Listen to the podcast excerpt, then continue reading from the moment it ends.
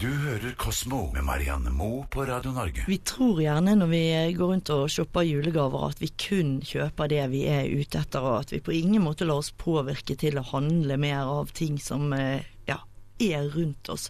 Men eh, sånn er det jo ikke, Hanne Jacobsen. Det er mange faktorer som påvirker hvor mye vi handler, og lukt viser seg å være viktig her. Ja, mer viktig enn du og jeg sikkert er klar over. Det er eh, sveitsiske forskere og amerikanske forskere som har gått sammen i en interiørbutikk, og så har de spredt forskjellige typer godlukt i den butikken. De valgte på noen dager så hadde de veldig sånn enkel lukt, en lukt av appelsin som, eh, som, var rundt i butikken. Og så hadde de på andre dager med sånn appelsin med basilikum og litt grønn te. Altså en litt sånn kompleks, utfordrende duft. da. Og så viste det seg at eh, de sjekka kassakvitteringene og de snakket med folk i butikken, og folk handlet ganske mye mer, 20% mer, på de dagene hvor det var en enkel lukt i butikken. Så det tyder på at uh, vi trenger litt sånn enkle stimuli for, mm. å, for å handle mest mulig. Jul er jo masse lukt. Det er jo nellik og pepperkaker og appelsiner som du var innom, og granbar ikke minst, og pinnekjøtt og ja, altså i det hele tatt. Som butikkeier da, så må rådet fra forskerne være å ikke ta helt av, men kanskje satse på en av delene. Ja, det virker sånn. De, det enkleste er ofte det beste, er, er det butikkerne får råd om her. Og det går rett og slett på det at det å lukte også krever hjernekapasitet. Det er eh, veldig ubevisst, men samtidig har, har, du kanskje opplevd den derre eh, konstante liksom, påvirkningen du får av lukt hvis den veldig eh, Hvis den trigger et gammelt minne, da, så kan det bli veldig sterkt. Det er det samme at det krever litt båndbredde eh, å lukte på noe. Sånn at hvis du lukter på noe enkelt, så overlater du mer del av hjernen til å bestemme deg for om du skal ha én eller to av de juletrepyntene som du er i ferd med å kjøpe.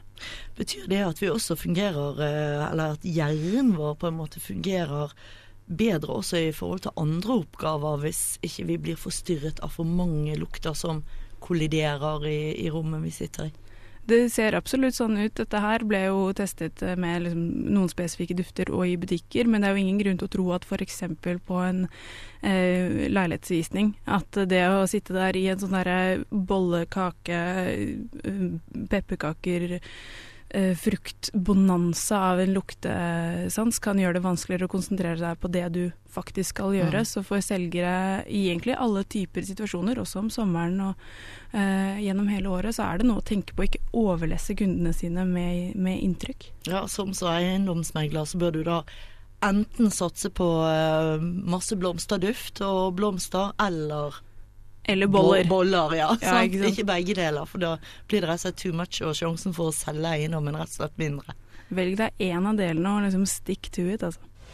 Kosmo, natur og vitenskap på Radio Norge. Søndag kveld fra klokken åtte. Så skal vi til en eh, sak som nok vil gi en del menn noe å tenke på. Ifølge forskningen er nemlig bare et blikk på ansiktet til en mann nok til at kvinner kan si om han har vært utro eller ikke. Det er nok mange menn som brister berister vantro på hodet over dette, og mange kvinner vil kanskje nikke gjenkjenne når de hører det. Men hva er det Bjørnar Kjensli fra forskning.no forskerne har gjort for å komme frem til dette resultatet? Her har de testa menn og kvinner. altså De har tatt 34 eh, menn og 34 kvinner. Og så har de vist de eh, bilder av eh, altså de har vist kvinnene bilder da av ulike menn, og mennene bilder av ulike kvinner. Og så har man vært så lure at man har brukt bilder da, av personer som faktisk har vært utro, inni blant, blant disse bildene som forsøkspersonene fikk se. Og så sammenlignet man disse tallene med hva, hva var det kvinner klarte å se, og hva var det menn klarte å se. Og da var det ganske tydelig at kvinnene var mye bedre til å da spotte utro menn i den eh, bildeflyten som, som gikk over skjermen. Eh, de var bedre da, eh, til det enn det mennene var til å spotte utro kvinner. Vet vi noe om årsaken til det, at menn ikke ser dette med utroskap like godt som det vi kvinner gjør? Forskerne har uh, teorier her, men det er ganske dårlige teorier. Altså, det kan komme at uh, kvinners ansikt ikke sier så mye om personligheten, er en teori. Uh, eller at menn rett og slett er dårligere til å plukke opp sånne små signaler i, i kvinners ansikter enn da kvinner er. Nå finnes det jo grader av utroskap. Hva var det som definerte utroskap for forskerne her? Det å være utro i denne studien her, det inkluderer både, både utroskap mot partneren sin og det at man har stjålet en annens partner. I en sånn test så er det vel eh, viktig også å skille mellom de man syns ser upålitelige ut, og de som man faktisk mener har vært utro. Hvordan løste forskerne nettopp det?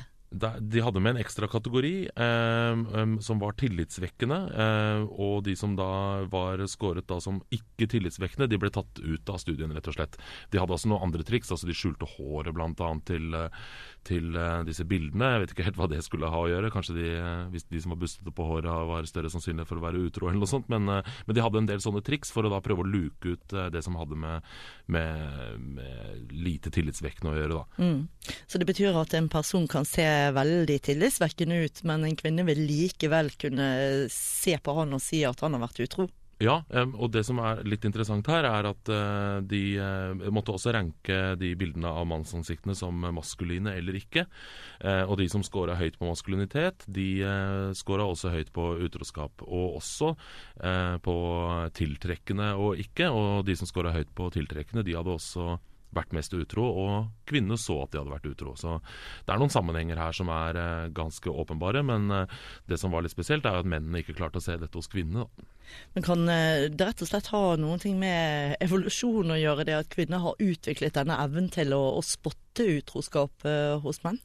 Det kan det ha. Det kan også ha å gjøre med rett og slett at eh, maskuline, attraktive menn har større sannsynlighet for å være utro, og at, eh, at kvinner på en måte merker seg det. Det kan også ha å gjøre med at de mennene som kvinnene ser bilder av, og som de selv har lyst til å eh, ligge med, er de som også andre kvinner har mest lyst til å ligge med. Så det er, det er ganske mange sammenhenger her. Litt men, eh, logisk Ja. ja, ikke sant? Så det, men det, så det viser seg mange sammenhenger. Men, men som sagt, det er kvinnene er gode til å se dette hos menn. Eh, menn er ganske dårlige til å se dette hos kvinner. Kosmo, natur og vitenskap på Radio Norge. Søndag kveld fra klokken åtte.